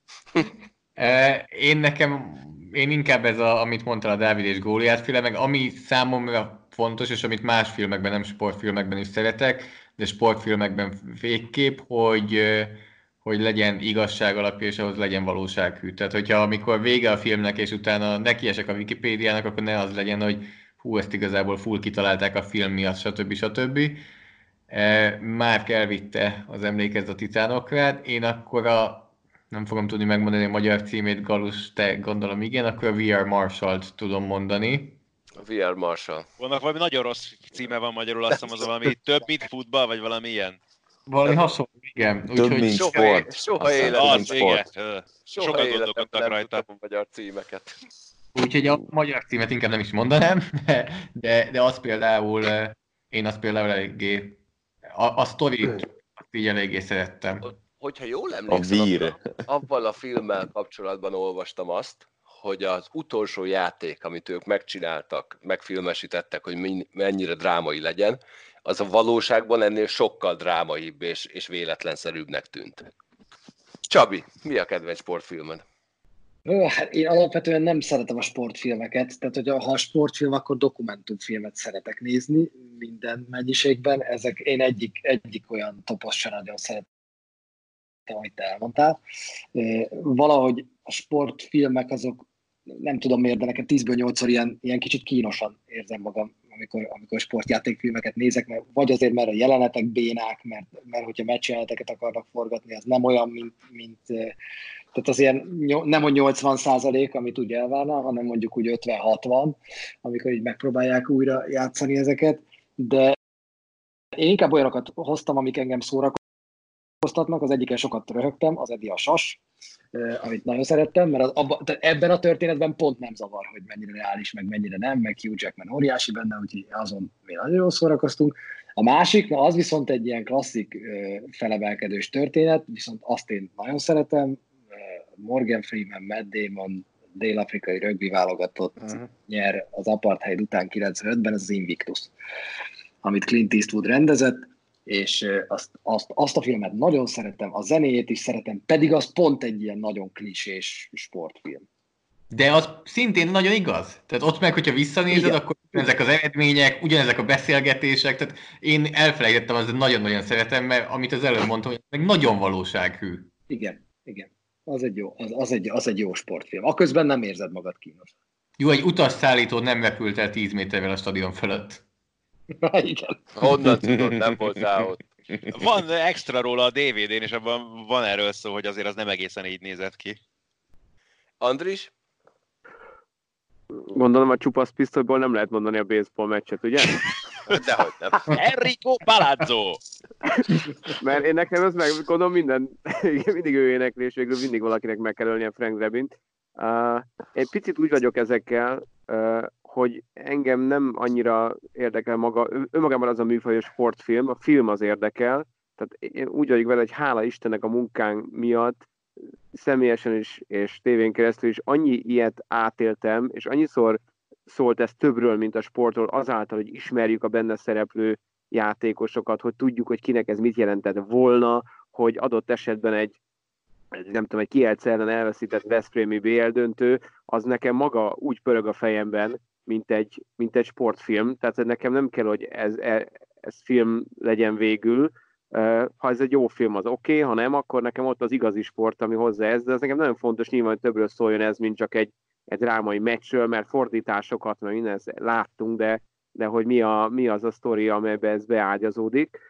Amit én fogok mondani, az, az a film, az, hát az nagyon nem tudom spoilerezni, mert jövőre lesz azt hiszem 50 éves, a Fábri Zoltán filmje, a két fél idő a pokolban, Mhm.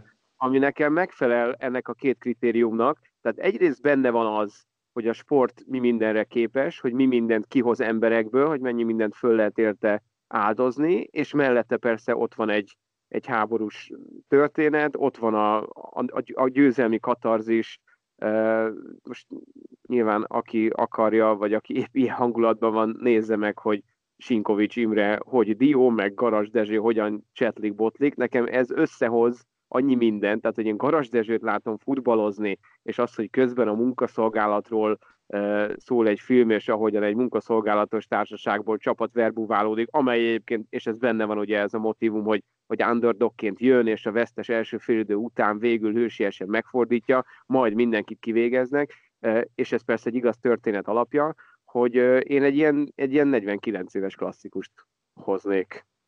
Igen, nekem abból a filmből mindig az az egy mondat marad meg, hogy az az egyedül, amit még megtehetek, hogy egy fotballmeccset ordítsak. Hát ordítok. Ádám. azon gondolkozom, hogy az én filmem mennyi idős, amit mondani fog, de az is az nagyjából 50 éves. Hú, igen, azt a. A Le Mans, uh, amit én nem is tudom, hogy Magyarországon talán nem is hoztak nagyon forgalomba, meg, meg igazából ez is egy érdekes kérdés, hogy mennyire játékfilm, játékfilm alapvetően meg, meg mozikban szerepelt, meg az is nagyon vicces, hogy annak idén nem volt kifejezetten sikeres a mozikban, pontosan azért, mert, mert játékfilmnek nem működik olyan Isten igazából, viszont hogyha valakit egy picit is tényleg a, a benzingőz az úgy megütött már életében, akkor rettenetesen élvezi, mert olyan felvételek vannak benne, egy egészen elképesztő. A probléma az tényleg az volt, hogy Steve McQueennek nem igazán volt forgatókönyve, aztán azt hiszem, hogy rendezője is csak úgy félig meddig, mert balhék voltak az egész forgatás körül, nem volt igazából kitalálva moz, és nagyon uh, improvizatív készült minden, de zseniális felvételek vannak benne, igazi versenyautókkal, azt hiszem, hogy a 67-es Lemoni versenyen uh, ment egy autó a mezőnyben, és úgy jött fel egy csomó jelenetet például, és hát azokkal az autókkal abból az időszakból, amikor amikor az autóversenyzéshez egyértelműen hozzátartozott az, hogy aki ott elindul, nem biztos, hogy hazamegy utána. Egészen elképesztő hangulata van, és tényleg, hogy nézi az ember, látja a jeleneteket, hallja azokat a hangokat, áll a szőr a kezén, hogyha kicsit is tényleg érdekli a motorsport. Attila? Én kettő közül választottam végül is. Azt leszögezem, hogy jó futballfilmet az Andris által említettet leszámítva én nem nagyon tudok, mert vagy promófilm, vagy, vagy nem annyira jó. Én Volt a, egy a nagyon rossz remake ezt Sylvester Stallone-nével és Pelével. Igen. A Hungária körúton. Igen. Én a, a Hoosiers kosárfilm közül volt az egyik, amin, amin gondolkoztam, de végül is egy boxfilmet mondanék, ami nem a dühöngöbbik, hanem a millió dolláros bébi. Uh. Tehát nálam az, az volt, ami, ami igazából nyert. Én annak a végét a... annyira nem szerettem. Igen, az nem illik oda, de, de ugyanakkor meg Hát nagy, és, nagy, és, nagy pont, meg, és meg pont, jó, pont a váratlansága miatt mondtam azt, hogy, hogy inkább az, tehát az, az valahogy úgy, úgy volt teljes. Az egész viszony, ugye Hilary Swank és, és Clint Eastwood között, tehát az szerintem úgy volt komplex. Ha jól emlékszem, ez volt Clint Eastwood első rendezése hosszú idő után. Azt hiszem, hogy igen. Aha, igen. Vidám lett a végére. A 20 az jut eszembe, a 20 rengetegszer láttam. Hát és, én is. És, na, és nagyon szerettem is, és mindig az jutott utána eszembe, hogy amikor Dennis Hopper kijózanodik, akkor sokkal félelmetesebb, mint amikor részeg. Hát amikor részeg, az, az, az az ilyen teljesen természetes, és amikor józan, azt tűnt, azt tűnt neked úgy, hogy megjár. Igen, hát egy úristen, miért csinálja, ezt inkább így van. És sokkal idesebb lett volna, hogy részegen tudni, mint az, hogy elvonóban nézi meg a, a sors döntő meccset ott a, a, vége felé. Na, hát kellett a dráma. Egyébként ezt de kifejezetten jó film volt. Hm? Sportfilmekkel nyilván az a baj egyébként, főleg azoknak, akik kicsit jobban szeretik a sportot, meg otthonosabban mozognak benne, hogy tényleg nem tud igazi lenni, meg nem tud egy csomó mindent elhinni benne az ember, meg egy csomó minden zavarja akkor, amikor ismeri az igazi sztorikat. És például egy picit engem ezért zavart a rás, hogy azt nem tudtam igazából ezt a Lauda Hunt sztorit. Nagyon jó volt képileg, meg egy csomó dolog nagyon jól el volt találva benne, de benne volt egy csomó ilyen nyálas amerikai hülyeség, amivel fel kellett duzzasztani a sztorit, nem tudom, hogy el tudják adni, és azt nagyon nem tudtam élni. Viszont ott van például a mintavillám, ami, ami meg tök blödli az egész, meg igazából Top Gun négy keréken, és mégis 27-szer tudom megnézni egy évben, hogyha olyan kedvem van, mert már nem tudom, imádom. Persze, mert azért... Csabi, Csabi mondta ugye az Eddie a sast, és az nekem, én egyrészt, oké, okay, tetszett meg aranyosan minden, ami nekem abban illúzió romboló volt, hogy, hogy az én gyerekkori kedvencemet, Nikénent, akkor a parasztnak ábrázolta benne, hogy gyakorlatilag leúrott a vászorról. De valami és... durván alkoholista volt, nem? Meg... Hát persze, hogy alkoholista volt, de basszus, az egy Isten volt. Ez az igazság, de zavarja. Na hát és Attila. Gyerekként nézed, és akkor ott, úristen, ez a finn, ez mit tud minden, és akkor szembesülsz, hogy uh, Hát ez így volt, meg minden. Na, nagyon szar volt itt szembesülni. Tekkora zseni volt. Alkeszként is megcsinálta. Hát ja. még, még nagyobb a teljesítmény. Figyelj Attila, hogyha neked is arról a sáncról kellett volna le, leugranod, te is itt volna előtte szerintem. És hogy akkor még a sáncok miatt az kisebb volt, mint a maiak. Tehát ott nem is, nem is ekkor ugrátok okvetlenül. Na, én is hoztam egy filmet a végére, és nagyon egyetértek Andrissal, nagyon nehéz nekem, mivel nagyon sok sportot nézek, nagyon nehéz olyan filmet láttam, amelyikbe hátra tudok dőlni, és élvezni tudom ezt az egészet, mert nagyjából az összes végkifejletet ismerem. Én a High Flying Bird című NBA-vel kapcsolatos filmet hoztam, aminek nagy előnye, hogy szerintem kb. egy perci kosárlabdát sem tartalmaz. Egy játékos ügynök ügyködése egy lockout fenyegetett szezon közben, és valami egészen elképesztően jó mozi szerintem. Steven Soderbergh alkotása, aki egy iPhone 8-assal vette fel az egész filmet. Mm. Uh-huh. Bocsánat, sztoriában nagyon... És nagy, nagyon, nagy... Ádám? Bocsánat, azt hittem, hogy elvesztettelek titeket. Uh, sztoriában picit hasonlít a, a, a Moneyball, amit én nagyon szerettem. Úgyhogy a baseballt azért csak úgy, nem tudom, nyomóban értem a szabályokat, vagy nyomóban vagyok tisztában a dolgokkal, de hogyha csak valaki egy kicsit is szereti így az amerikai sportágakat, akkor az nagyjából elég hozzá szerintem, hogy tudja élvezni. És zseni a sztori is, a film is, Brad Pitt is, de főleg Jonah Hill, és az egy nagyon jó kis film, azt nagyon szeretem. Igen, abszolút, nekem is az is elszakadt egy kicsit a sporttól. Csak a, a, amíg a Moneyball-nál kiírták, hogy, hogy ez igaz történet alapján történik, itt ebben a High Flying Birdben nem próbálták meg ezt eladni, és egy, egy, úgy egy iszonyú feszes mozi, hogy közben iszonyú lassú, és valójában cselekménye az, az nagyon-nagyon minimális. Miért nem mondta senki a Space Jam című dokumentumfilmet?